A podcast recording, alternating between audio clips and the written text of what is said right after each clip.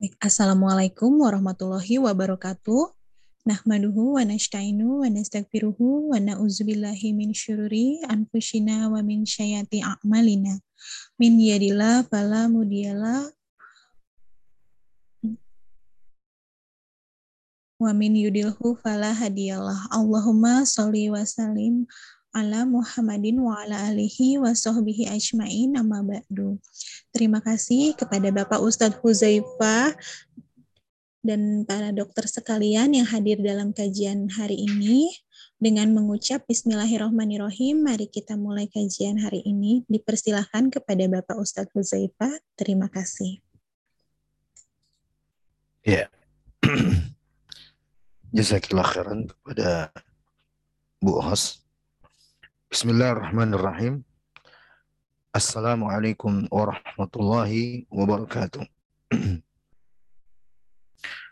الحمد لله رب العالمين وبه نستعين على أمور الدنيا والدين والصلاة والسلام على أشرف الأنبياء والمرسلين نبينا وسيدنا ومولانا محمد بن عبد الله wa ala alihi wasallam wa ala alihi wa ashabihi wa man ihtada bihudahu ila yaumiddin. Qala Allah Ta'ala fi Al-Qur'an Al-Karim Ya ayyuhalladzina amanu taqullaha haqqa tuqatih wa la tamutunna illa wa antum muslimun. Amma ba'd Saya ma'asyarul muslimin, peserta kajian Majelis Taklim Sahibul Jannah yang mudah-mudahan senantiasa dirahmati oleh Allah Ta'ala. Kita bersyukur kepada Allah Jalla wa'ala dengan memanjatkan segala puji, sanjungan dan pemuliaan serta pembesaran kepadanya atas segala nikmat yang kita dapatkan kebaikan yang kita rasakan dengan segala macam bentuknya yang terlihat jelas ataupun yang bersifat batiniah. Karena tidak ada sebuah, kebaikan pun melainkan itu hanya karena ketetapan dari Allah taala.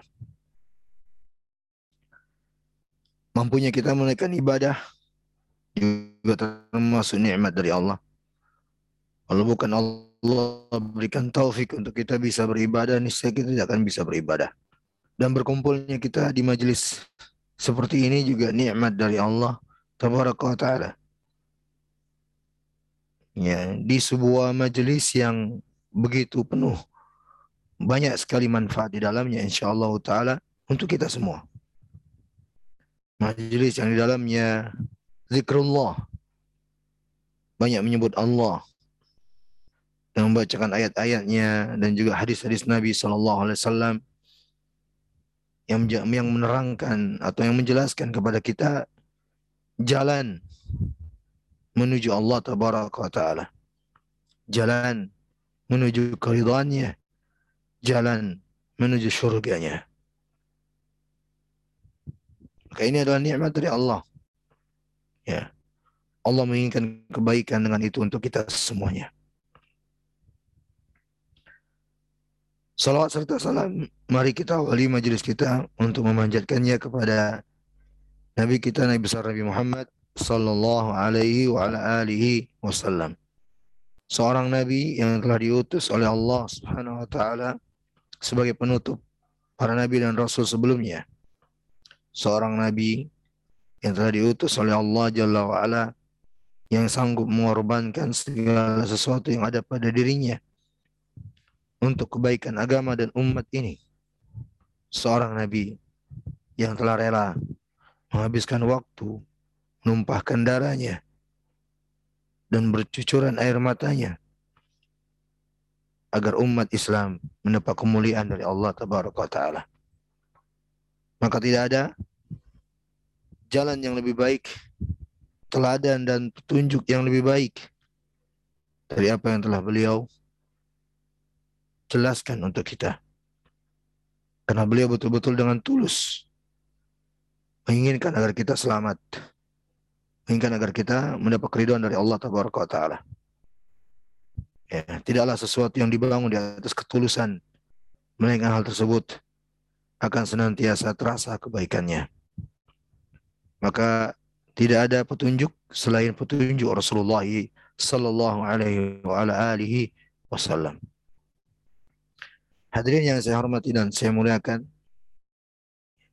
Insya Allah Ta'ala pada kesempatan pagi hari ini kita akan melanjutkan pembahasan fikih sebagaimana yang telah dimaklumi bersama. Tiap dua pekan sekali kita akan membahas fikih dari kitab Panduan Fikih Ibadah Bergambar. Dan sebelum kita lanjutkan tema pembahasan untuk hari ini, seperti biasa untuk kajian fikih saya mengajak hadirin peserta semuanya sebagai koresponden untuk kuis yang akan saya adakan sebagai pretest ya.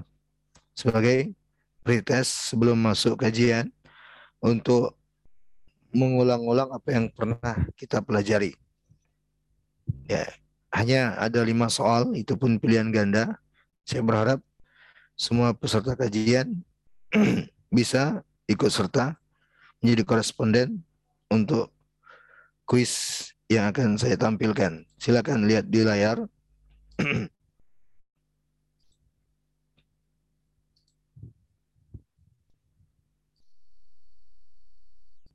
ya, silakan Bapak Ibu uh, mengikuti petunjuk di sana ada keterangan untuk ke browsingnya masing-masing. Lalu ketikkan alamat www.menti.com menti.com. Kemudian setelah terbuka alamat tersebut, otomatis akan tampil permintaan untuk memasukkan kode. Silakan dimasukkan kodenya 2283 5248. Dan jangan lupa menulis nama masing-masing. Jangan lupa menulis namanya masing-masing. Silakan para hadirin untuk uh, ikuti petunjuk tersebut. Pergi ke Mentikom dan masukkan kodenya. Ya. Ya di sini ya udah ada yang telah bergabung.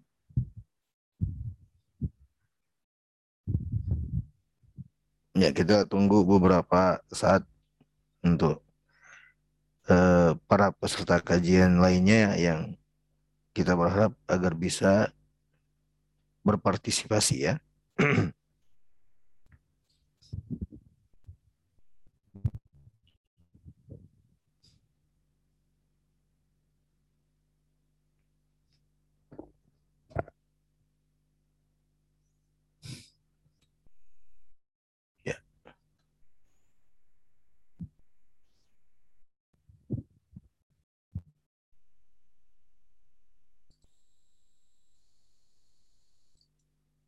Ya bapak, ibu-ibu yang lainnya. Ubay udah ikut.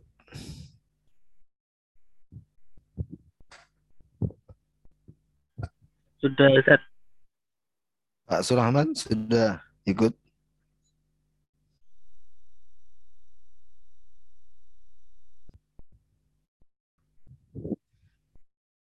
Ya. Alhamdulillah sudah ikut. Eh, Masya Allah. Ada empat. Ya paling tidak satu lagi lah.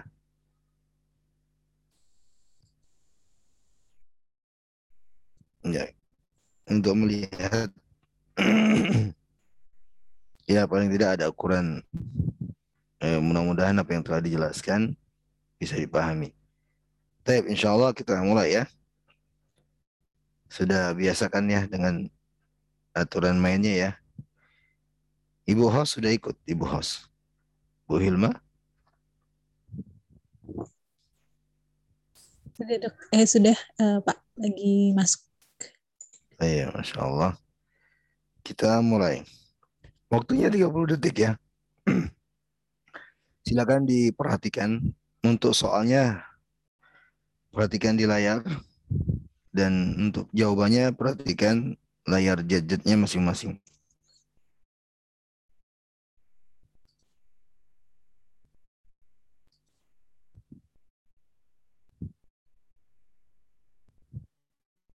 Silakan diperhatikan. Yang dibaca setiap membuka pakaian adalah silakan dipilih salah satunya.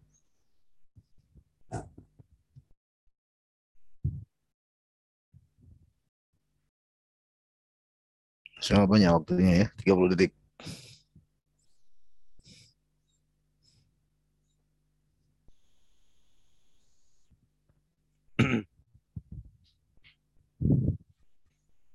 Iya. Kita lihat. Masya Allah. Barakallahu fiikum. Semuanya menjawab dengan jawaban yang tepat. Lanjut ke soal nomor dua. Silakan diperhatikan kembali soalnya.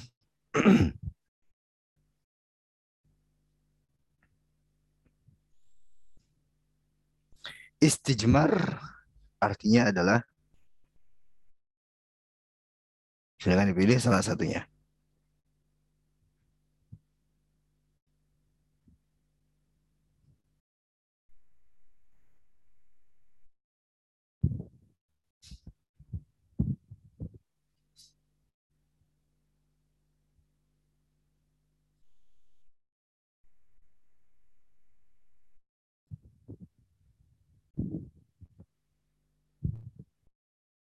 Ya, waktunya habis. Dan jawabannya adalah Masya Allah. Ada satu yang menjawab salah ya. Barakallahu fiqh. Yang benar adalah B. Membersihkan diri dari kotoran dengan batu dan semisalnya. Itu istimar. Ya. Yang C salah kenapa? Karena di situ disebutkan ada air. Ya, kalau air bukan istijmar namanya. Taib Masya Allah, barakallahu fikum. Kita lanjut ke soal nomor tiga. Silakan diperhatikan pertanyaannya.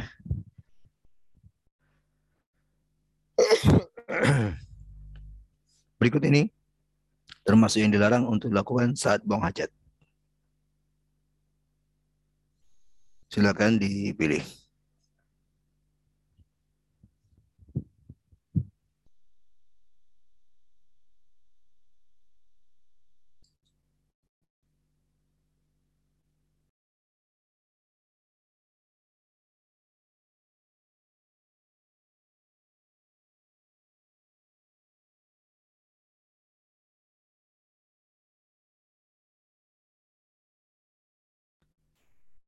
Ya, waktunya habis.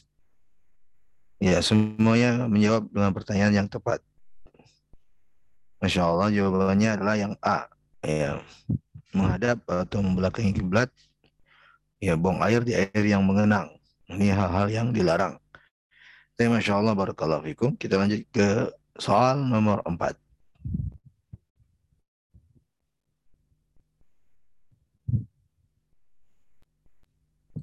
Enggak.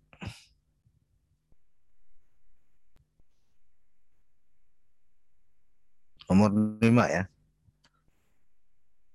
Silakan perhatikan pertanyaannya. Syarat-syarat yang digunakan untuk istijmar adalah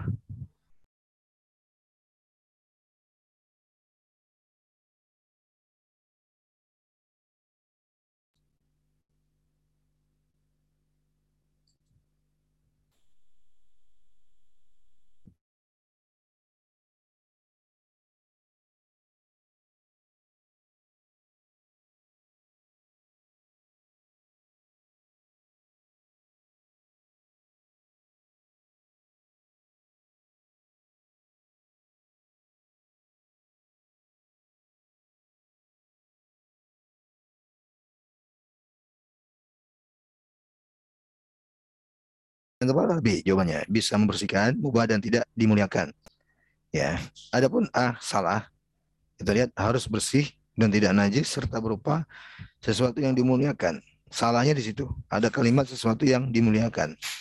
Tidak boleh ya menggunakan sesuatu yang dimuliakan sebagai alat untuk istijmar.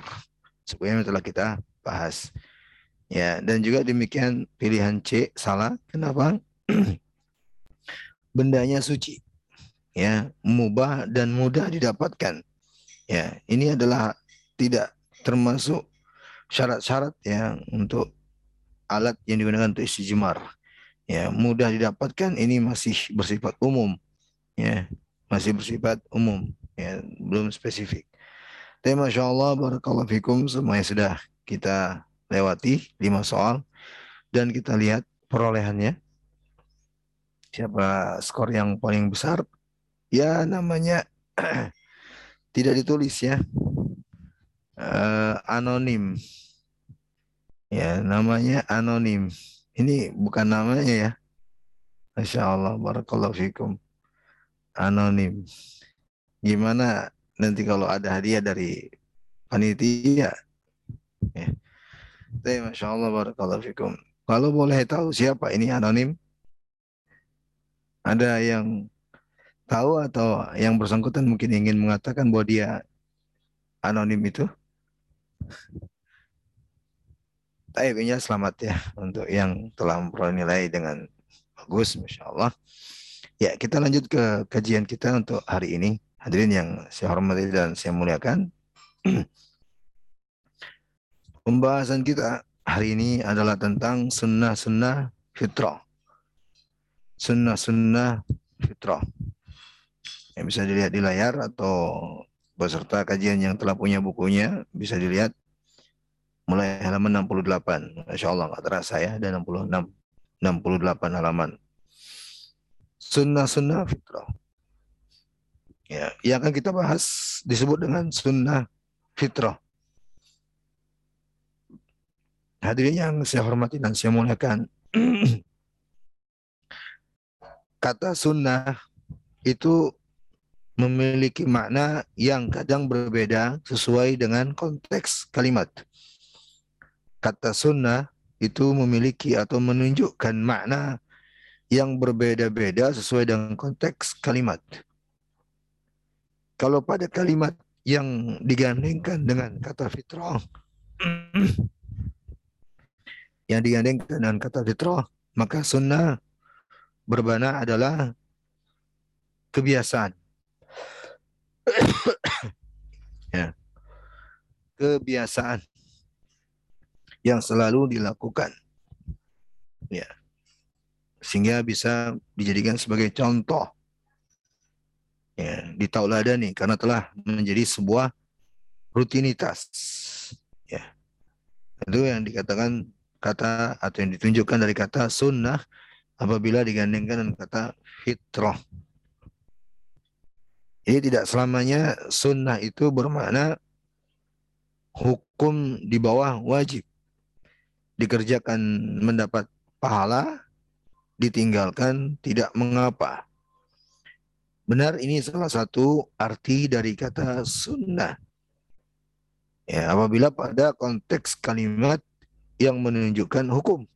Misalnya, ya, uh, misalnya mengenakan parfum itu sunnah Nabi, itu sunnah Rasul, ya, atau itu hukumnya sunnah. Maka kata sunnah dalam konteks kalimat seperti ini maknanya adalah sesuatu yang bukanlah kewajiban. Dikerjakan mendapat pahala, ditinggalkan tidak. Mengapa. Tapi kata sunnah apabila digandengkan dengan kata fitrah, maka maknanya adalah sesuatu yang telah menjadi kebiasaan. Ya, dilestarikan terus-menerus dilakukan. Ya. Adapun jika dia bergabung dan kata fitrah secara ya, keseluruhan dari dua kata sunnah dan fitrah bisa dilihat di buku. Sunnah sunnah fitrah maksudnya adalah perkara-perkara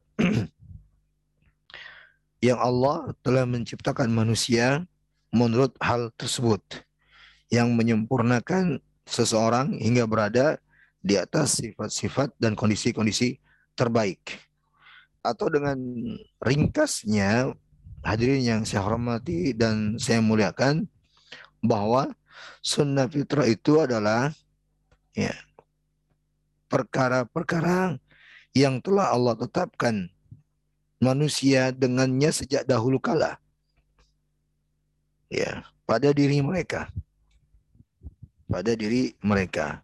Yang dengan hal-hal tersebut membuat semakin baik diri mereka. Ya.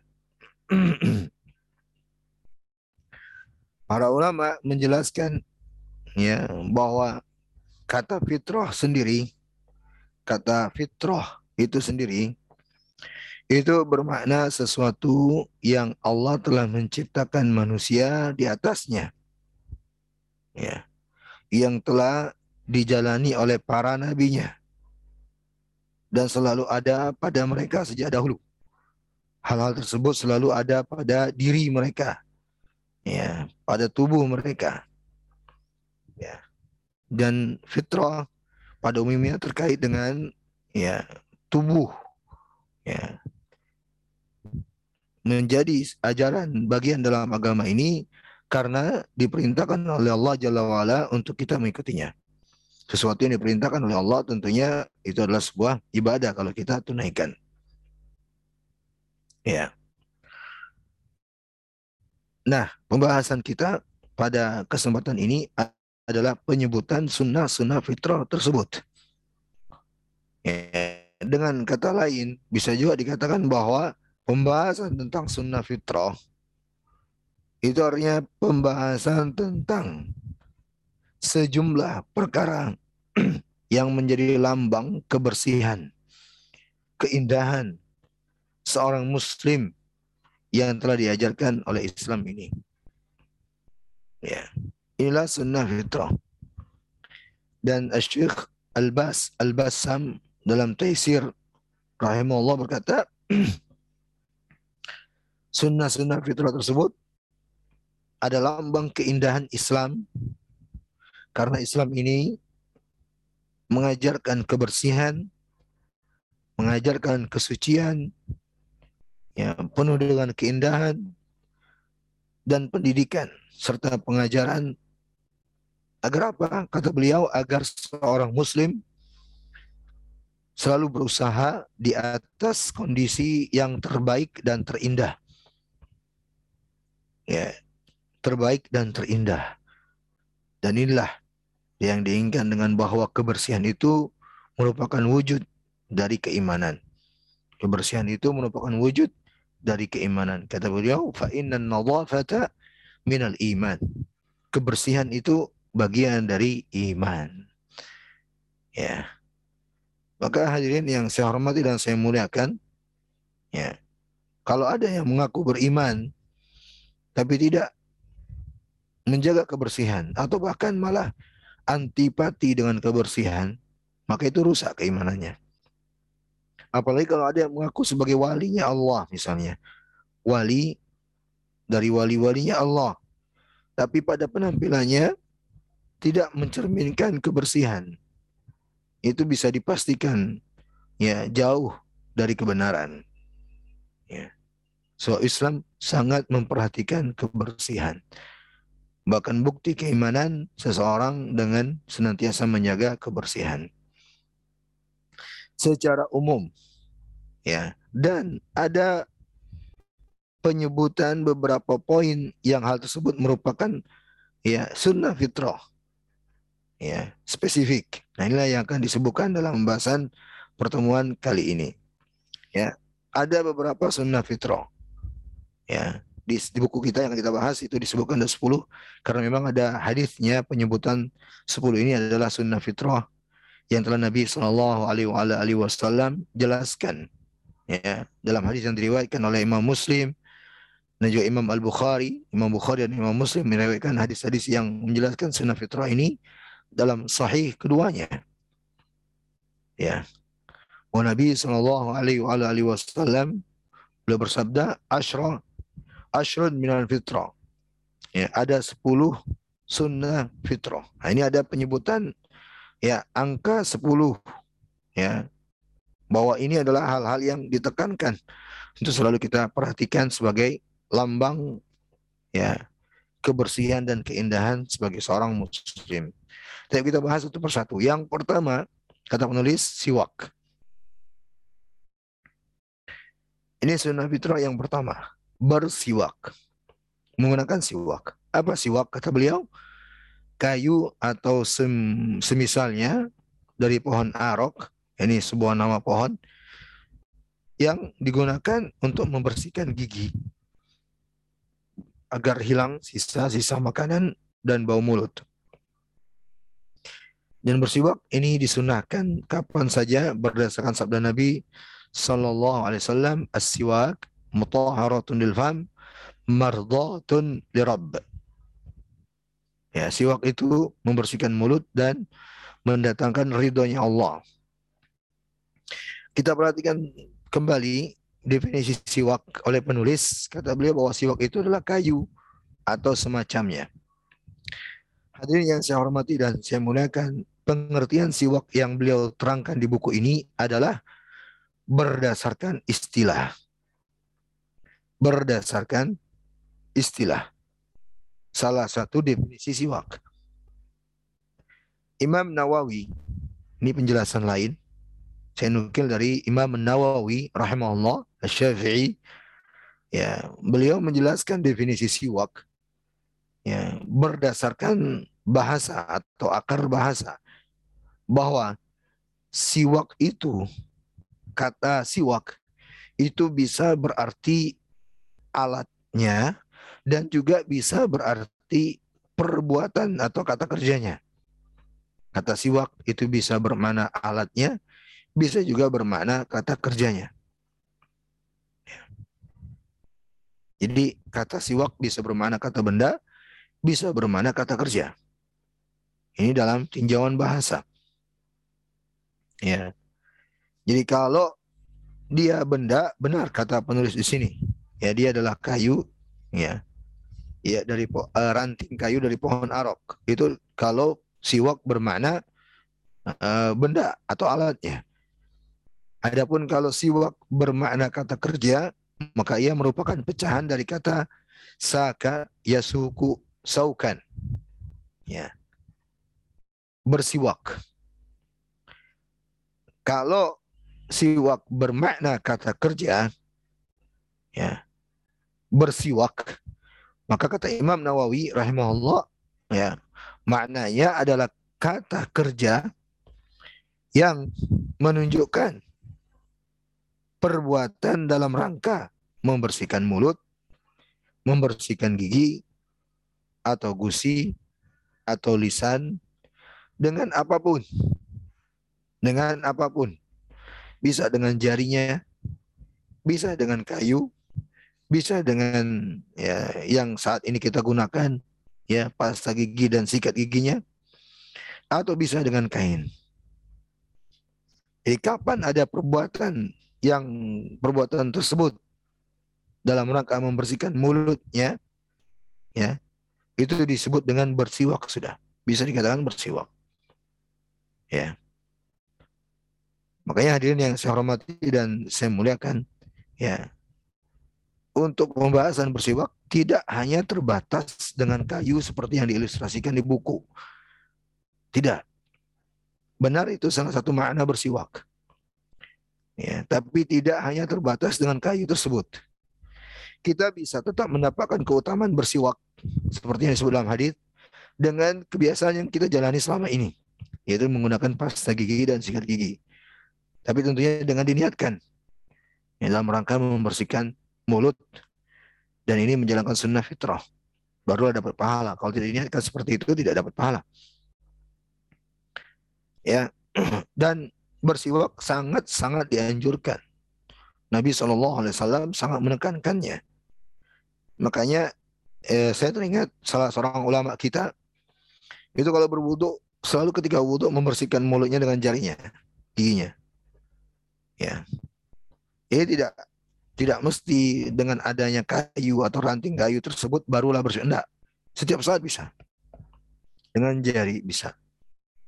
di saat berwudu. Ya, karena semangat menjaga atau mengamalkan sunnah Rasul ini. Baik, ada saat-saat yang sangat ditekankan oleh Nabi SAW untuk bersiwak. Ingat ya, penyebutan bersiwak jangan hanya dipahami terbatas dengan menggunakan kayu yang dimaklumi itu. Tidak. Ya, kata penyebutan bersiwak itu luas mananya. Bisa dengan sikat gigi, bisa dengan membersihkan mulut, atau bisa dengan kalau model sekarang semprotan itu. Yang pertama kata beliau setiap hendak wudhu. Setiap hendak wudhu. Laula an asyuqa ala ummati la amartuhum bisiwaki inda kulli wudhu'in. Kalau tidak memberatkan umatku, niscaya aku akan perintahkan mereka untuk selalu bersiwak setiap hendak berwudhu. Ya. Tadinya, hadirnya saya hormati, Nabi SAW hendak menjadikan sebuah kewajiban. Tapi Nabi SAW tahu ya akan memberatkan umatnya sehingga beliau ucapkan ya bahwa ini tidaklah menjadi sebuah kewajiban karena beliau tahu akan memberatkan umatnya setiap hendak berwudu. Nah, ini menunjukkan penekanan untuk bersiwak setiap hendak berwudu. Yang kedua, setiap hendak sholat sebelum sholat. Kalau tadi sebelum wudhunya, sekarang sebelum sholat. Jadi sambil menunggu komat misalnya, bersihkan dengan siwak. Kalau memang lagi memegang kayu tersebut. Laula an ala ummati la amartuhum bisiwaki inda kulli salatin. Seandainya tidak memberatkan umatku, aku akan perintah mereka untuk bersiwak setiap hendak salat. Yang ketiga, setiap hendak masuk rumah. Setiap hendak masuk rumah. Dari Miqdam dari ayahnya ia berkata aku bertanya kepada Aisyah radhiyallahu taala apa yang pertama kali dilakukan Nabi setiap sebelum masuk rumah? Sallallahu alaihi wasallam. Jawab Aisyah bersiwak. Jawab Aisyah bersiwak. Eh masya Allah ya. Ya di sini juga terdapat padanya ajaran Nabi sallallahu alaihi wasallam untuk yang menjaga kebersihan mulut sebelum bertemu dengan keluarga. Sebelum bertemu dengan keluarga. Ya, betapa indahnya hidup dengan sunnah Rasul hadirin. Betapa indahnya hidup dengan sunnah Rasul. Ya. Sebelum masuk ke rumah, sebelum bertatap dengan sang istri, berjumpa dengan anak-anaknya, pastikan bau mulut. Ya. Bersiwak, bersihkan mulut. Masya Allah. Ya. Yang keempat, ketika terjaga dari tidur. Ketika terjaga dari tidur. Dari Hudzaifah radhiyallahu taala ia berkata, setiap kali bangun tidur pada malam hari, Nabi Shallallahu alaihi menggosok-gosok gigi beliau dengan siwak. Sampai dalam riwayat disebutkan beliau itu bersiwak saking sungguh-sungguhnya terdengar suara gosokannya itu. Ya shu shu, ya suk cuk cuk. Terdengar suara gerakan beliau menggosok-gosok giginya. Saking sungguh-sungguhnya Nabi Shallallahu Alaihi Wasallam untuk bersiwak. Ya. Yang kelima, saat membaca Al-Quran.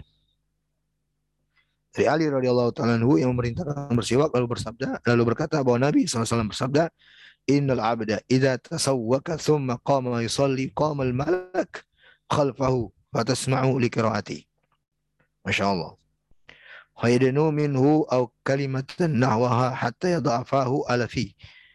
Wa ma yakhruju min fihi syai'un minal Qur'an illa sara fi jawfil malak atahiru afahakum bil Qur'an. Sungguh apabila seorang hamba bersiwak lalu salat ya maka ada malaikat di belakangnya mendengarkan bacaannya. Ia mendekatinya. Ia mengucapkan kalimat-kalimat ya dia meletakkan mulutnya di depan mulutnya. Saking memuliakan dan suka dengan bau mulut orang yang telah bersiwak tersebut. Ya hingga bacaan Al-Quran yang keluar dari mulutnya masuk ke dalam tubuh si malaikat. Ya maka sucikanlah mulut kalian dengan Al-Quran. Itulah saat-saat yang ditekankan untuk bersiwak. Ya, ada penyebutan oleh penulis di sini ada lima.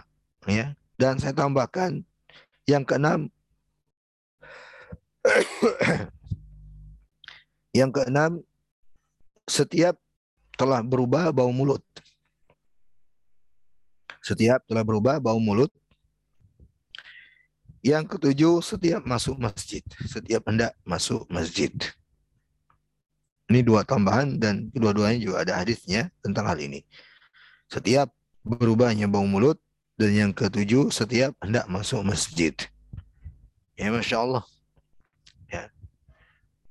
Ini luar biasa sunnah Nabi SAW untuk kita semua agar betul-betul mencerminkan kebersihan. Mencerminkan kebersihan. Kata penulis setelahnya manfaat siwak. Di antara manfaat bersiwak membersihkan mulut di dunia dan mendatangkan ridho Allah di akhirat. Memperkuat gigi dan gusi, menjernihkan suara dan membuat semangat. Ya, ini tentunya dalam tinjauan kesehatan ya. Dan saya tambahkan ya di antara manfaat siwak yang lain. Ya, diterangkan oleh Imam Ibnu Daqiqil Aid.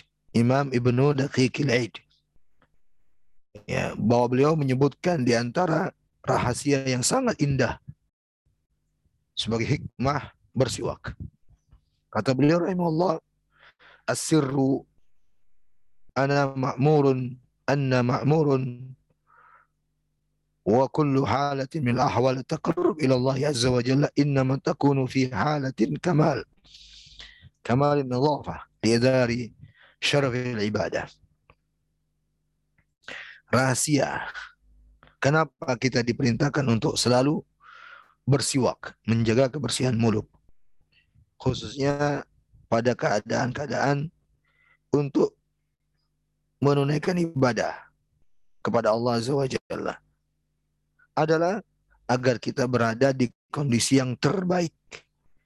Kondisi yang terbaik, bersih dan indah sebagai bukti kita memulai memuliakan ibadah tersebut kepada Allah. Ya, sebagai bukti kita memuliakan ibadah tersebut. Iya. Hadirin yang saya hormati, ini manfaat bersiwak secara individu. Ya, dan lebih dari itu bersiwak juga memberi manfaat bagi yang lain. Ya, apalagi kita, kita tatkala kita sedang berada bersama dengan yang lain.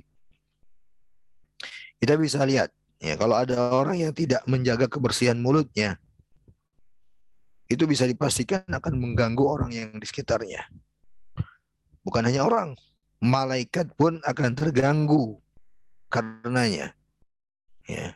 Malaikat pun akan terganggu. Sebagaimana terangkan dalam kitab Taisirul Alam. Syara' Amdatul Ahkam. Ya. Ini kita rasakannya. Bahwa Bapak mungkin yang biasa sholat subuh berjamaah di masjid kadang bisa kita dapatkan. Ada orang yang di sebelah kita, ya itu masya Allah. Kalau tidak membersihkan mulutnya ketika bacaan amin, Masya Allah luar biasa. Ya. Dan apalagi bagi perokok ya. Orang yang merokok itu juga menyebabkan bau mulutnya sangat menyengat. Ya, tidak sedap. Bahkan mengganggu orang lain, sangat mengganggu. Ya. Baik. Hadirin yang saya hormati dan saya muliakan ya terkait dengan bau mulut ini ya yang ditimbulkan dari uh, merokok misalnya dan selainnya ya. Oh kita harus betul-betul menjauhkan hal tersebut. Ya. Sebab Nabi pernah bersabda, "Man akala sauma awil basala awil kuratha fala yaqrabanna masajidana fa innal malaikata tata'azza bihi mimma tata'azza bihi banu Adam." Siapa yang makan bawang putih, bawang merah, bawang bombay. Ya, ini ya makanan-makanan yang memang mengandung bau yang menyengat. Kalau zaman dulu biasa dimakan mentah-mentah karena ukurannya besar. Kalau dimakan sebagai lalapan mentah kayak gitu sangat bau mulutnya. Kata Nabi, jangan pernah dia mendekati masjid kami. Sungguh malaikat akan terganggu karenanya. Sebagaimana Bani Adam akan terganggu karenanya. Ini bawang merah, bawang putih, bawang bombay. Bagaimana dengan rokok? Ya, lebih mengganggu lagi. Taib, ini sunnah fitrah yang pertama, siwak. Yang kedua kata penulis mat dan istinsyak. Ini adalah salah satu gerakan dalam wudhu sebenarnya, tapi yang juga merupakan sunnah fitrah.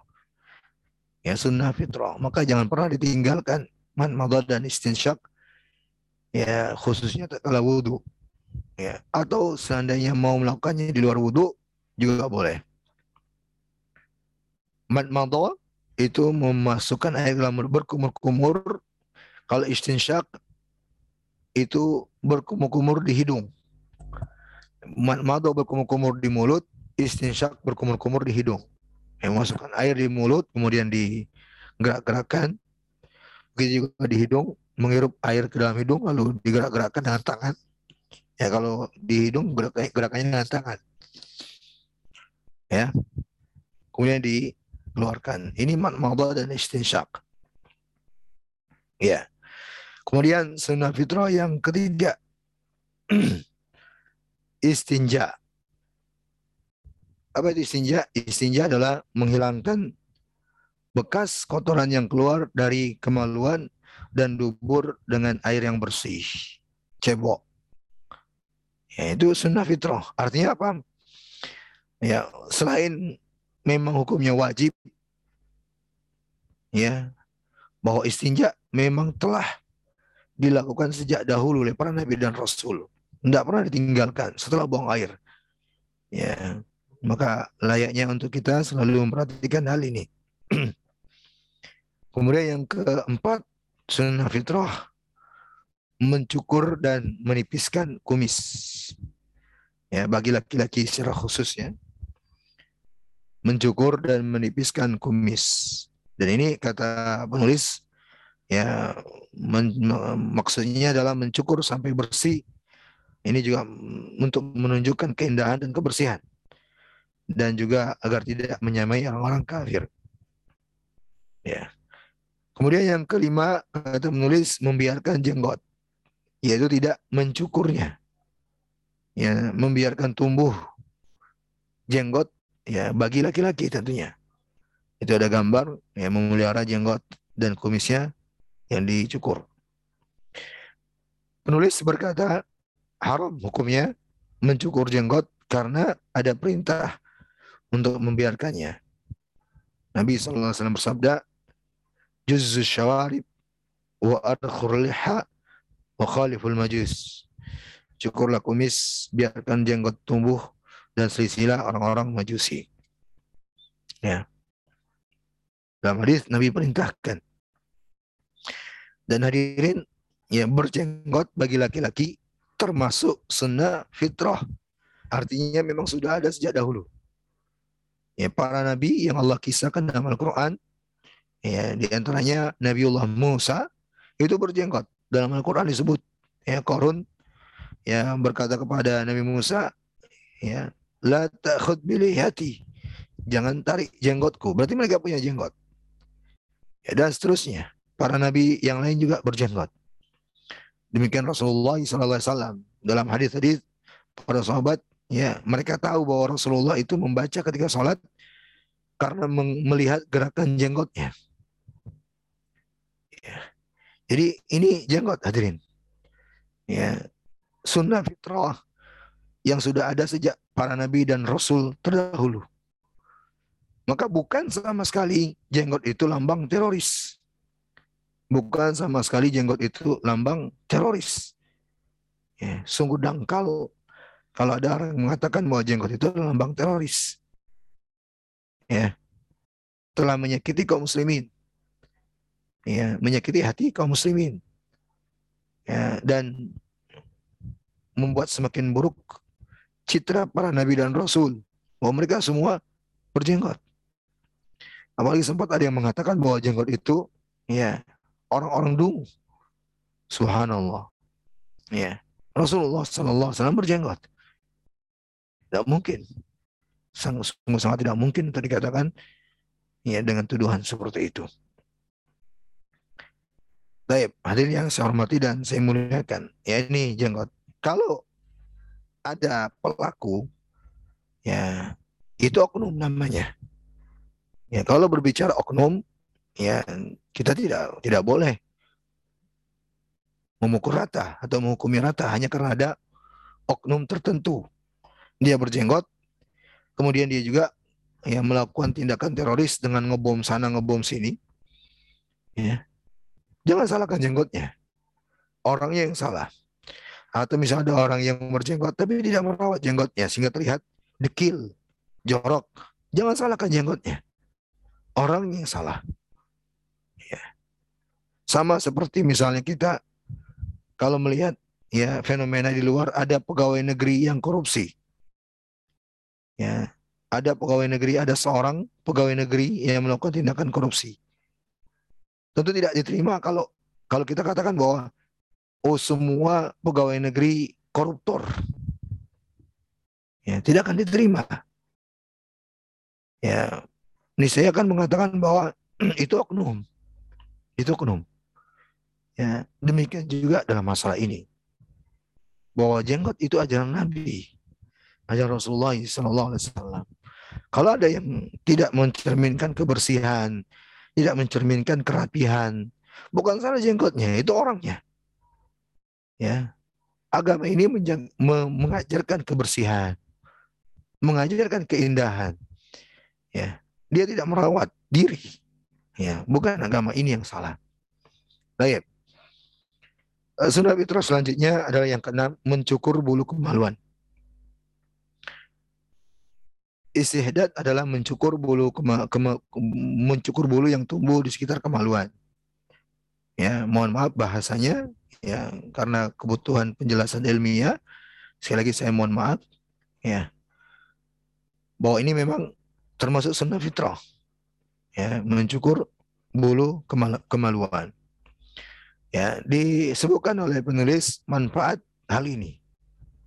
Ya, sekali lagi saya mohon maaf ya membacakan kalimat-kalimat mungkin sebagian hadirin Bapak Ibu kurang nyaman. Sekali lagi saya mohon maaf. Kata penulis terbukti terbukti secara ilmiah mencukur bulu kemaluan itu menjaga kesehatan dan kekuatan tubuh. Karena banyaknya bulu yang di sekitar daerah ini menimbulkan berbagai peradangan kulit yang membahayakan tubuh. Ya sebenarnya ajaran Islam itu adalah yang saya muliakan apa pun yang ada dalam Islam ini yang betul-betul datang dari Allah atau Rasulnya pasti membawa manfaat. Pasti membawa manfaat. Kita saja orang belakangan kadang ya memahami manfaat itu ketika ada yang menjelaskan dari luar Islam. Ya. Padahal tidak mungkin Allah menetapkan sesuatu yang tidak bermanfaat. Itu tidak mungkin. Sunnah fitrah selanjutnya adalah khitan atau khafat.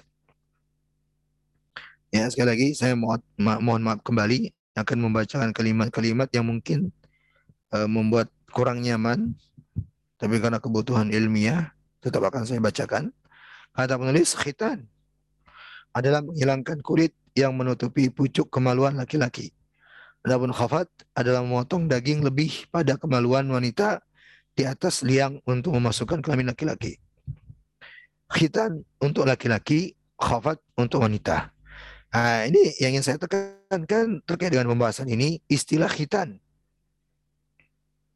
Ya, jadi mari kita membiasakan istilah sesuai dengan yang disebut oleh syariat. Disebut dengan khitan. Bukan sunat. Ya, kalau kita kan disebut dengan sunat. Ya, sunat. Sebenarnya itu kurang tepat. Ya, istilah yang tidak dikenal dalam syariat sunat itu. Ya, khitan yang tepat. Ya, khitan yang tepat bukan sunat. ya. Nggak tahu saya sumbernya dari mana ya kenapa dikatakan sunat. Yang jelas dalam istilah syari syariat itu disebut dengan khitan untuk laki-laki, khafat untuk wanita.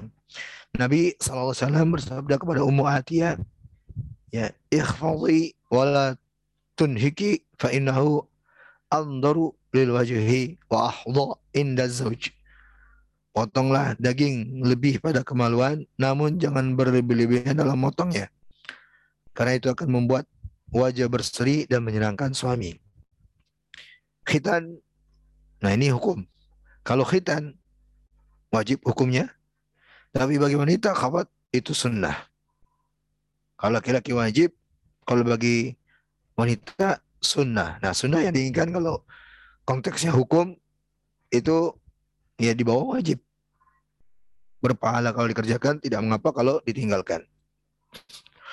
Kata penulis, kalau hikmah hitan bagi laki-laki membersihkan kemaluan dari najis yang ada di dalam kulit yang menutup yang menutupi pucuk kemaluan. Dan hikmah ini sudah ya diketahui oleh non muslim di luar sana. Ya maka ya informasi yang kita dengar orang-orang Eropa pun ya mereka khitan. Tapi niatnya bukan karena menjalankan sunnah fitrah. Tapi dalam rangka ini nih agar terjaga dari najis. Ya, sekali lagi ya hadirin bahwa Islam ini pasti membawa manfaat. Yang kadang mungkin ada sebagian perkara yang kita belum belum bisa menangkap apa manfaatnya. Ya. Baik. Adapun bagi wanita ini membuat wajah si wanita berseri. Taib. Kita berpindah. Taib sebelumnya saya tekankan kembali bahwa hukum khitan bagi laki-laki itu wajib dan bagi wanita itu sunnah bukan wajib. Ya. Bagi laki-laki kenapa wajib? Karena sangat ditekankan. Ya, sangat ditekankan. Ya, terkait dengan maslahat ketika dia bersuci agar betul-betul bersih dari najis. Ya, dari najis. Baik. Kita berpindah ke sunnah fitrah selanjutnya, yakni memotong kuku atau menggunting kuku. Ya, maksudnya memotong kuku dan tidak dibiarkan panjang.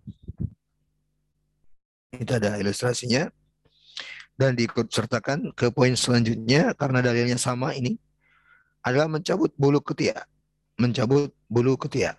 Maksudnya mencabut bulu yang tumbuh di ketiak untuk kebersihan dan menghilangkan bau yang tidak sedap ya, yang mengumpul bersamaan dengan bulu-bulu tersebut.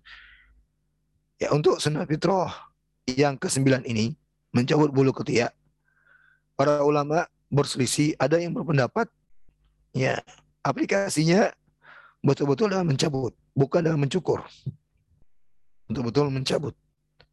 Ya, tapi sebagian berpendapat bisa juga teranggap dengan mencukur karena yang diinginkan adalah bersih darinya ya selagi mencukur terwujud tujuan tersebut maka teranggap walakulihal ini termasuk sunnah fitrah yang telah Allah tetapkan dan telah dikerjakan oleh para nabi sejak dahulu. Yang terakhir membersihkan sendi-sendi jari tangan. Nah ini mungkin di antara kita baru mendengarnya ya. Oh ini termasuk sunnah fitrah. Di buku ada ilustrasinya ya sendi jari bagian luar, bagian punggung, bukan bagian dalam. Ya, bagian sini. Ya, yang garis-garis ini. Ya, ini namanya barojim. Barojim. Ya, ruas ruas jemari bagian luar. Barojim. Sunnah fitrah untuk membersihkannya. Untuk membersihkannya. Ketika berwudu atau di luar berwudu khusus di bagian-bagian ini. Di bagian sela-sela ini. Ya. Karena biasanya ada kotoran-kotoran yang menyelip di sini. Ya. Makanya para ulama ya ada sebagian yang berpendapat ya bahwa termasuk padanya telinga, leher, ya dan bagian tubuh yang biasanya ada lipatan-lipatannya yang lain. Ya. Baik. Inilah sunnah fitrah yang ke-10. Ya. Yang termasuk diajarkan oleh para nabi, termasuk nabi kita SAW untuk membersihkannya. Nah, terkait dengan sunnah fitrah yang telah disebutkan mulai dari sembilan, ya, sepuluh, ya, mencukur bulu, bulu kemaluan, ya, mencoba bulu ketiak, dan juga menggotong kuku, Ini penulis tambahkan sebuah pelajaran terkait dengannya, yakni batasan 40 hari. Batasan 40 hari. Kata beliau makruh hukumnya kalau kuku dibiarkan memanjang. Demikian juga bulu ketiak ya atau kumis atau bulu yang ada di sekitar kemaluan. Ya, sengaja dibiarkan panjang ini hukumnya makruh bahkan bisa haram. Ya. Kata Anas bin Malik, Rasulullah SAW membersihkan bat, memberikan batas waktu kepada kami untuk mencukur kumis, memotong kuku, mencukur bulu kemaluan, mencabut bulu ketiak agar tidak lebih 40 hari. ya. Ini terkait dengan batasan waktu yang dijelaskan oleh Nabi kita Nabi besar Nabi Muhammad sallallahu alaihi wasallam yaitu 40 hari. 40 hari. Ya. Berdasarkan hadis Anas ini. Jadi kalau dirincikan ya salah seorang ulama kita Syekh Khalid Ali Al-Musyaiqih menjelaskan bahwa ada tiga waktu rincian terkait dengan hal ini. Ada tiga waktu rincian terkait dengan hal ini. Mohon diperhatikan dan diingat yang pertama waktu mustahab namanya, waktu mustahab atau waktu yang sangat dianjurkan untuk melakukan ini semua. Mencukur kumis, motong kuku, mencukur bulu kemaluan, bulu ketiak. Ya. Waktu yang dianjurkan yaitu setiap telah panjang itu semua. Setiap telah panjang itu semua. Kukunya udah mulai panjang, bulu ketiaknya udah mulai panjang, bulu kemaluannya setiap mulai panjang langsung dicukur. Ini namanya sangat dianjurkan. Itu yang dianjurkan. Kapan pun. Ya, orang-orang kan beda-beda. Ada yang cepat pertumbuhannya, ada yang agak lama. Ya, mungkin ada yang seminggu udah panjang. Ada yang dua minggu baru panjang. Ada yang mungkin ya baru hitungan berapa hari panjang. Setiap panjang dipotong ini namanya waktu yang mustahab yang sangat dianjurkan. Yang kedua, mak waktu yang makruh. Ini yang kedua, waktu makruh namanya. Yaitu apabila telah lewat 40 hari. Lewat 40 hari baru dipotong, itu makruh. Ya, makruh hukumnya. Makruh itu ya ia dibenci, ya, tidak disukai. Ya.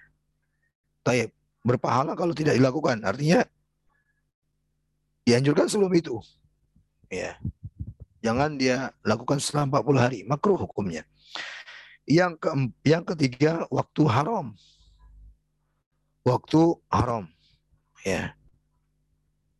Yaitu apabila sengaja dibiarkan panjang itu semua sengaja dia biarkan panjang sampai tumbuh kotoran-kotoran di balik kuku ya atau di balik bulu-bulu tersebut ya ini namanya dia sengaja ya dan kalaupun dia potong itu sudah ya mendapat mendapatkan dosa dia karena ada unsur kesengajaan ya haram hukumnya kenapa dihukumi haram karena ada tiga alasan. Alasan yang pertama menyelisihi petunjuk Nabi.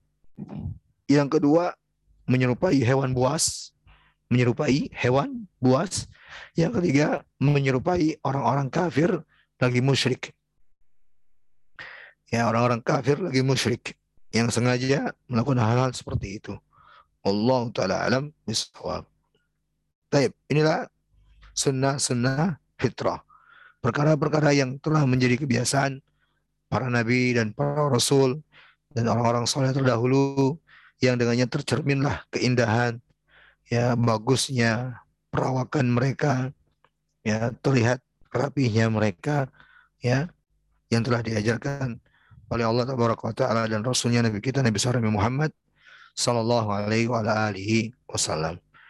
Mungkin ini yang bisa saya sampaikan untuk tema pertemuan kali ini. Mohon maaf atas segala kekurangan dan khususnya uh, suara saya ya mungkin terdengar agak parau ya qadarullah wa ya ini sejak tadi pagi ya tapi mudah-mudahan masih bisa ditangkap dengan jelas.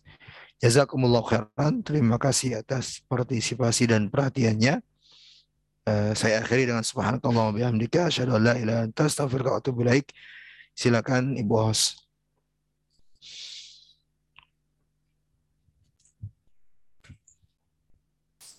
Terima kasih Pak Ustadz atas paparannya hari ini.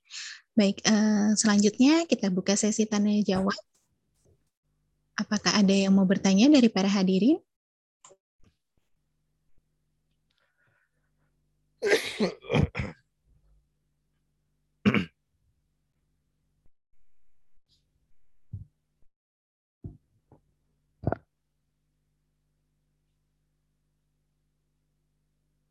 Saya nggak lihat Bu Dewi. Bu, Bu Dewi nggak hadir ya Bu host?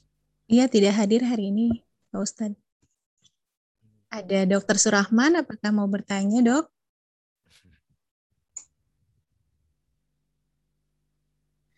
Iya saya mau bertanya Ustadz.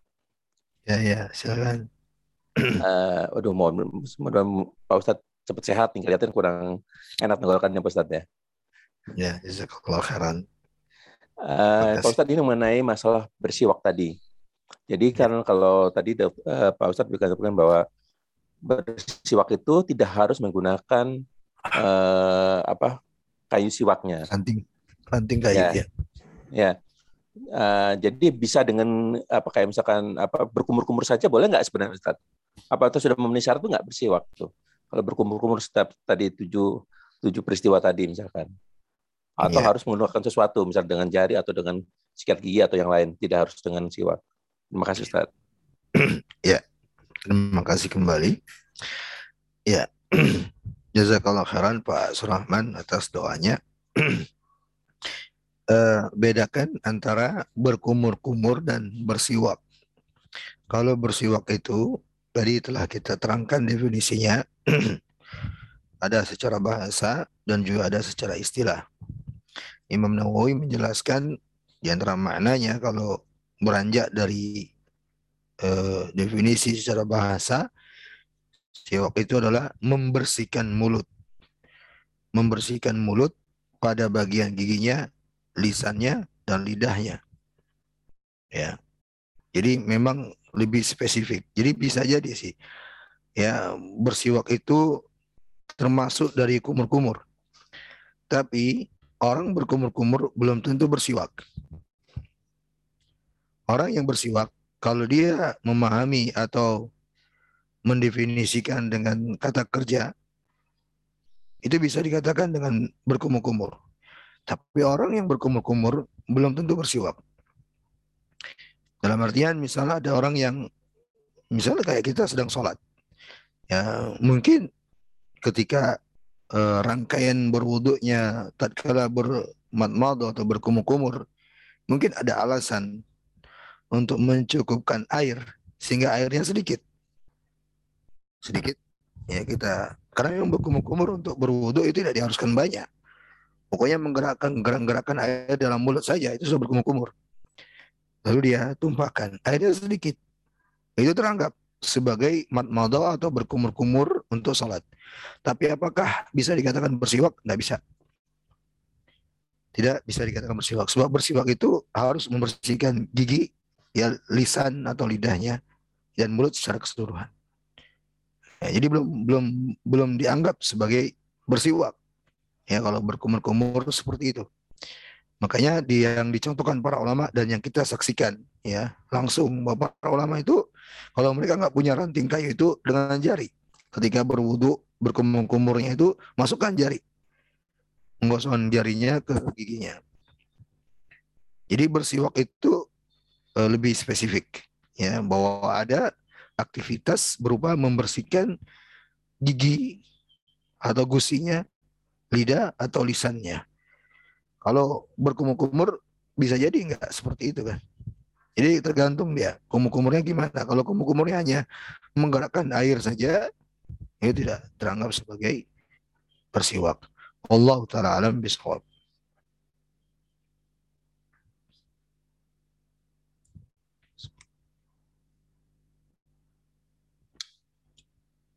Semoga bisa dipahami ya Pak Selamat. Ya, jazakallah Ustaz. Ada lagi yang ingin bertanya?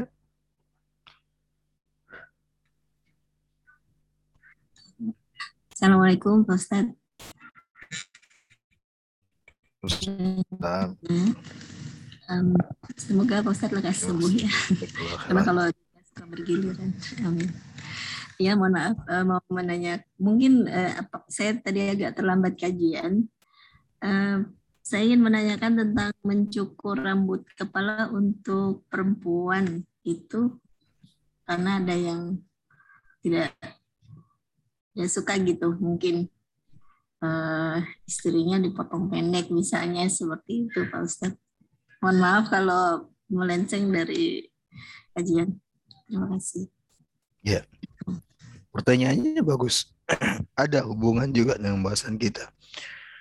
Bahwa itu termasuk uh, disebut oleh para ulama sebagai tabiatnya wanita. Memiliki rambut yang panjang. Memiliki rambut yang panjang.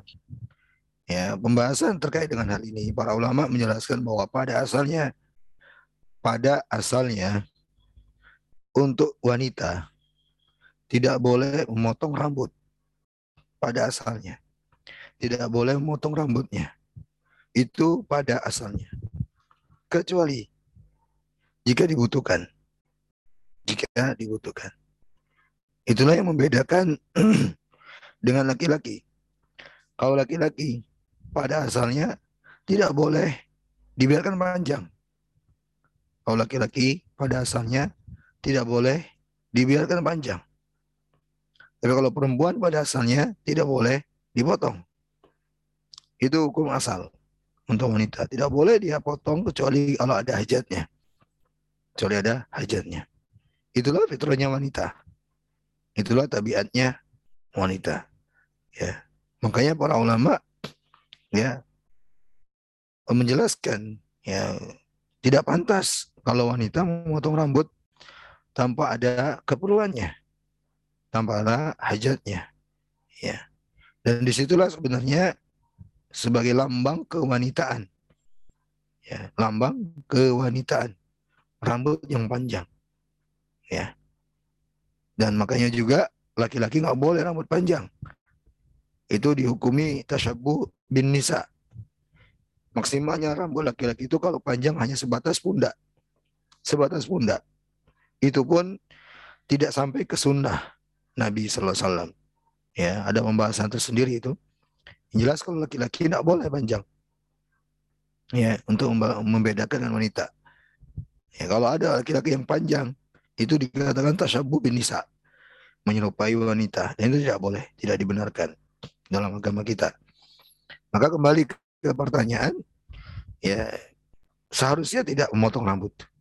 Ya, apalagi mencukur, ya bedanya menggunting dan mencukur. Kalau mencukur itu identiknya menggundul mungkin ya.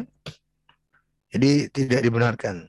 Ya, kalau suaminya tidak suka, benar suaminya bagus. Harusnya sang, sang istri mentaati suaminya. Harusnya sang istri mentaatinya. Karena demikianlah perempuan itu. Keindahan mereka kadang ada di rambutnya. Allah taala alam bisawab. Semoga bisa dipahami Bu Dokter.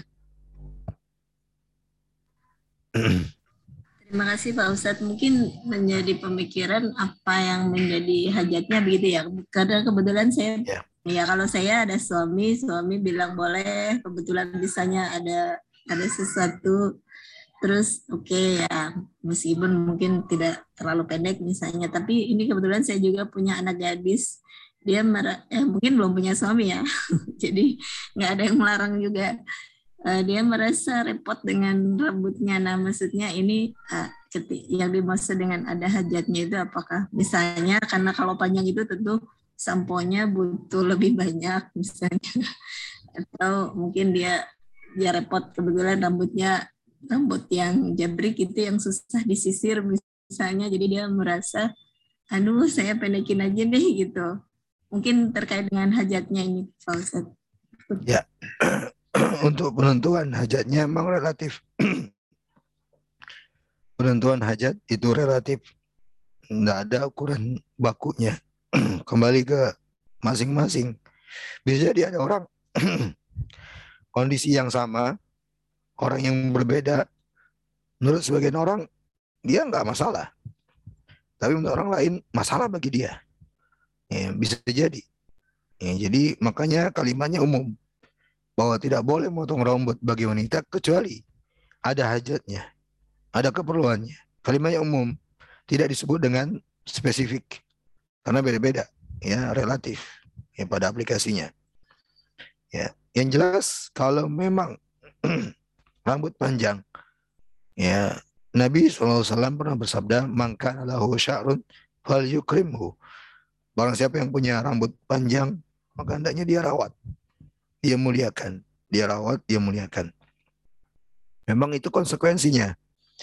Dirawat dan dimuliakan. Ya.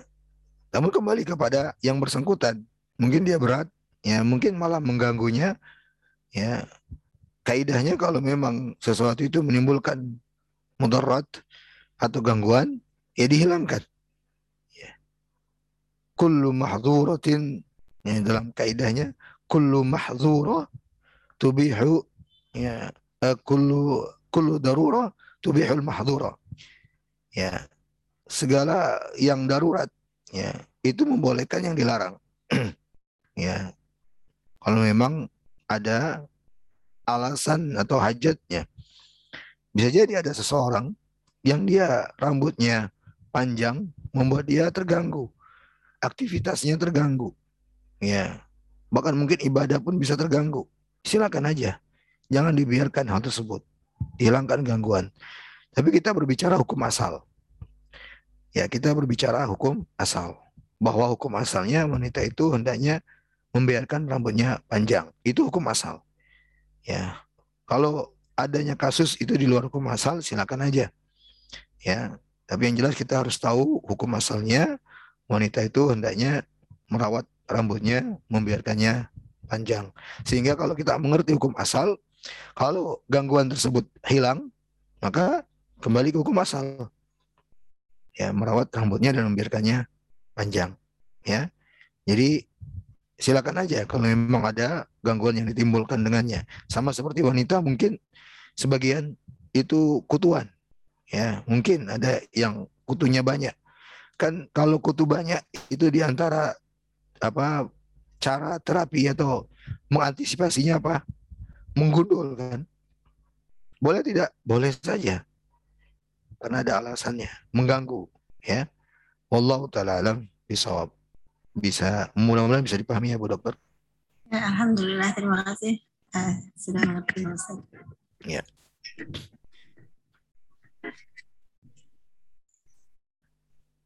Baik, terima kasih Pak Ustadz dan Dokter Tisna, apakah ada yang mau bertanya lagi?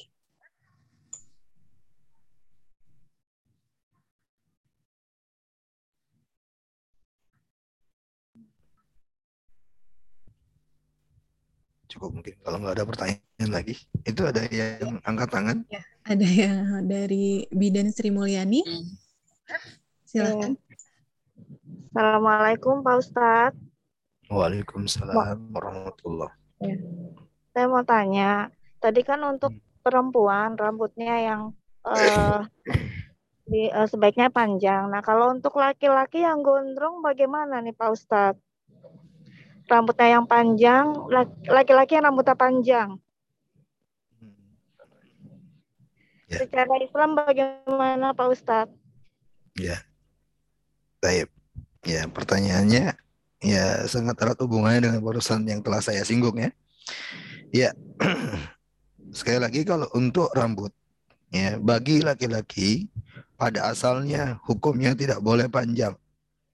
Pada asalnya hukumnya tidak boleh panjang. Sebab rambut yang panjang itu hanya bagi perempuan. Hanya bagi perempuan.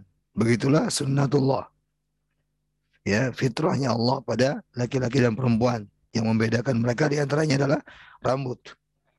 Ya, maka dalam Islam kalau ada laki-laki, ada kalau ada laki-laki atau pria yang memanjangkan atau menggondong menggondrongkan rambutnya.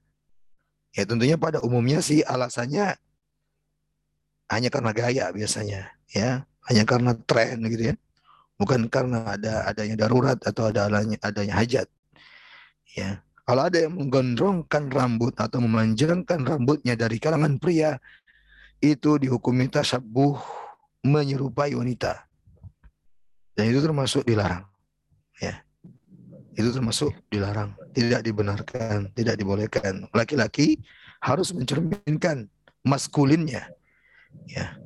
Wanita tetap di atas feminimnya dalam agama kita harus jelas laki-laki laki-laki perempuan perempuan. Masalah rambut juga demikian ya. Untuk laki-laki tidak dibenarkan atau tidak dibolehkan untuk gondrong dalam agama kita ya oh. Terus ini Pak Jadi, Ustadz maaf tanya lagi uh, hmm. ini Pak Ustadz saya uh, ngelihat ada beberapa para ulama yang rambutnya panjang. Itu bagaimana Pak Ustadz ya?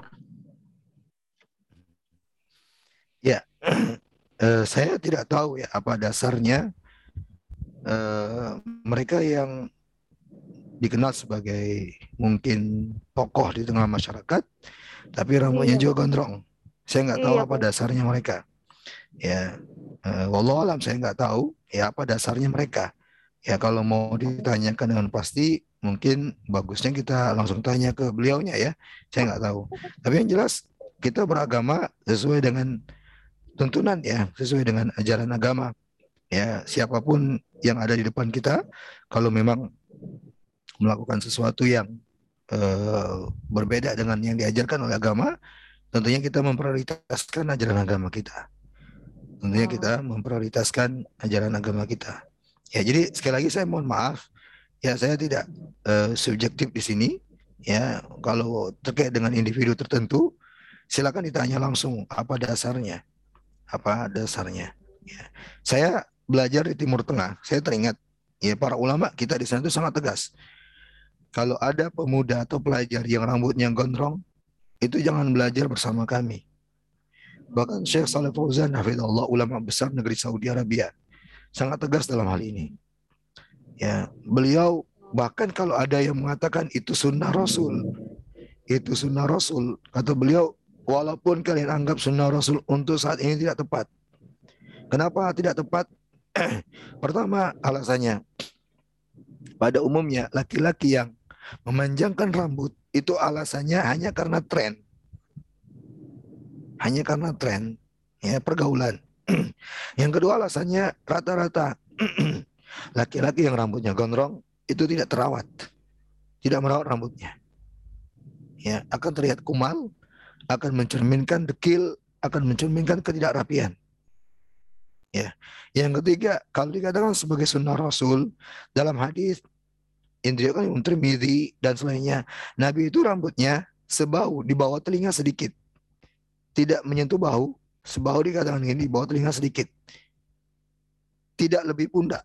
Segitu. Ini rambutnya Nabi SAW dalam sebuah riwayat. Ya, tidak gondrong, tidak lebih pundak, tidak ke bawah, apalagi panjang sampai menyentuh uh, pantat misalnya. Enggak, enggak sampai segitu. Segini, di bawah telinga sedikit. Itulah rambutnya Nabi SAW. Jadi kalau dikatakan sunnah Rasul, salah. Bisa dilihat dalam kitab Sunan Trimidi. Ya, ciri rambutnya Nabi SAW itu tidak gondrong. Panjang, ya panjang, ya, tapi tidak sampai sebahu. Di bawah telinga sedikit. Itulah rambutnya Rasulullah Sallallahu Alaihi Wasallam. Tidak gondrong sampai panjang ke bawah. Ini sekali lagi poin ketiga kalau dikatakan sunnah Rasul itu tidak tepat ya tidaklah tepat kalau ada yang beralasan dengan sunnah Rasul. Tapi mohon maaf sekali lagi eh, penjelasan saya ini bukan diarahkan ke siapa-siapa, tapi penjelasan bersifat umum. Adapun terkait dengan individu, ya mungkin eh, yang bersangkutan ada dasarnya yang saya tidak tahu. Dan ini, ini sebagai bukti keterbatasan pengetahuan saya. Wallahu a'lam bishawab. Ya, terima kasih Pak Ustadz. Terima kasih. Assalamualaikum. Waalaikumsalam warahmatullahi Ya, baik, terima kasih Pak Ustadz. Apa ya, ada yang mau bertanya lagi? Jika tidak ada, Kalau kita enggak, cukupkan sampai saya yang bertanya dulu Silakan Pak Di hadapan saya ini kan ahli medis semua nih, dokter-dokter, Bu Bidan, Sundun Bu Dokter, dan Bu Bidan. Ada yang ngasih rekomendasi nggak? Kalau sakit tenggorokan begini, apa yang mesti dilakukan secara medis? Itu pertanyaan saya. Terserah man, ada rekomendasi. ada nggak? Uh, Pak Ustadz, mohon maaf saya praktisi hmm. medis, tapi uh, practically mungkin teman-teman medis yang lain kurang setuju kalau dengan metode saya. Saya biasanya kami di keluarga sering kali minum air jahe Pak Ustadz kalau ada keluhan jalan napas. Jadi sering menggunakan seperti itu. Uh, minum obat kadang-kadang ya tapi tidak selalu membantu ya karena suami saya pernah radang tenggorokan minum obat macam-macam nggak sembuh ya akhirnya ya sudahlah minum air jahe aja karena itu mah ya minuman mungkin bukan obat. Tapi ya alhamdulillah sembuh ya.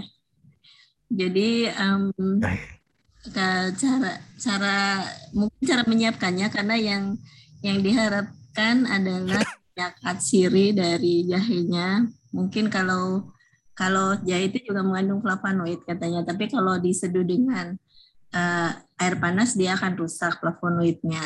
Jadi flavonoid itu uh, diduga bermanfaat untuk meningkatkan daya tahan tubuh seperti vitamin C kelompoknya seperti itu.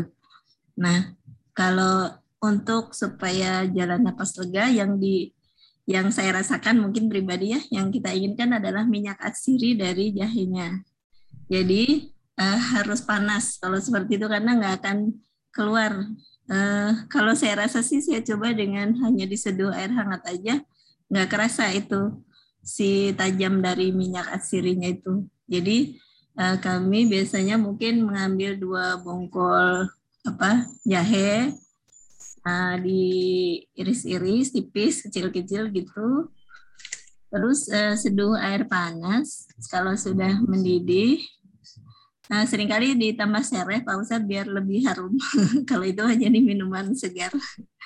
Nah, udah gitu di air mendidih, terus di di setelah mendidih ya dimasukkan si eh, apa namanya jahe dan serehnya tadi suka ditambah potongan sereh begitu satu batang biasanya airnya mungkin kira-kira antara satu atau dua gelas ya, itu mangga segimana seleranya karena kalau airnya lebih sedikit tentu lebih tajam ya rasa minyak asirinya.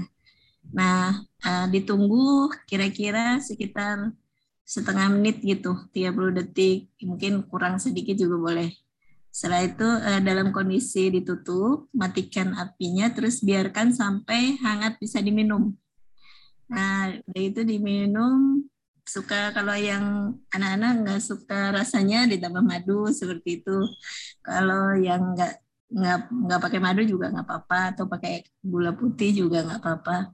Mungkin kalau madu ada manfaat yang lain ya karena komposisi madu tentu berbeda dengan uh, air putih ya itu suka rutin gitu Pak Ustadz minum kadang-kadang nggak ada keluhan batuk juga suka minum. Tiga kali sehari atau lebih sering juga nggak apa-apa. Sekali minum mungkin nggak selalu bisa banyak ya, barangkali hanya seperempat gelas gitu. Kemudian kalau mau menambah flavonoidnya, uh, mungkin kalau saya lebih suka dari jeruk lemon atau jeruk nipis diperas airnya, kalau bisa di di apa namanya di di infuse ya. Kalau di infuse itu dipotong-potong terus direndam dengan uh, air air dingin terus disimpan di kulkas. Nah itu bisa atau kita peras jeruk nipis. Kalau saya pernah lihat mungkin juga di TV itu uh, ditambahkan air satu banding satu. Misalnya uh, air jeruknya tiga eh empat sendok misalnya. Empat sendok teh air putih tiga eh, empat sendok teh. Terus ditambah biar enak ditambah madu begitu nah, diminum itu mungkin dugaan saya sih lebih mengarah kepada kita mengambil flavonoid dari jeruknya begitu. Karena kalau flavonoid rusak oleh uh, pemanasan. Jadi agak susah kalau dari jahe aksirinya nggak kerasa gitu Pak Ustadz. Mungkin ini barangkali bisa dicoba. Siap, siap. Dan tentu istirahat dan makan yang bergizi insya Allah. Ya. Terima kasih banyak. Lekas sembuh. Ya, Amin. Terima kasih banyak. Insya Allah lengkap sekali. uh, ya. ya. Terima kasih banyak. Ya, ada lagi? Tidak ada yang berpendapat. Yang lain atau saran yang lain? Udah bagus itu. Iya, lengkap. Saya malah nyatet jadinya. Alhamdulillah. Iya, dokter Oman itu anak saya bahkan sampai demam. Ntar dulu lah kasih obatnya, kasih itu aja dulu. Ya udah sembuh ya sudah, mungkin daya tahan tubuhnya meningkat gitu. Ya, yang penting istirahat Ustadz ya. Iya betul istirahat. Istirahat termasuk jangan banyak ngomong ini masalahnya. Jangan banyak ngomong. Iya. Iya, jazakumullah khairan atas masukannya dan pengarahannya yang sangat lengkap sekali. Ya, terima kasih banyak ya, Bu Dokter. Assalamualaikum Ustadz. Waalaikumsalam. Uh, saya bisa minta alamatnya Ustadz. Uh, kalau kita biasa konsumsi molekul transfer faktor, itu nanti uh, saya kirimin produknya ke alamat Ustadz. Siap, siap, siap. Insya Allah nanti saya kirim saya kirim ke apa Ibu Hos nanti Ibu Hos insya Allah yang kirim ke Bu Dokter. Iya nanti saya tanya ya. sama si Allah satu teman di ya. grup ya. Ya terima kasih banyak Bu Dokter, masya Allah. Ya. Baik. Hmm. Sehat ya Ustaz. Terima kasih Bu Dokter. Amin. Ya kita cukupkan di sini ya Bu Dok Bu Hos silakan.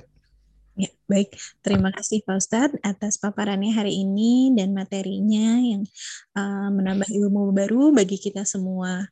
Baik, uh, untuk uh, sebelum ditutup acaranya mari kita membaca doa kafaratul majlis. Subhanaka Allahumma wa bihamdika asyhadu an la ilaha astaghfiruka wa atubu ilaik.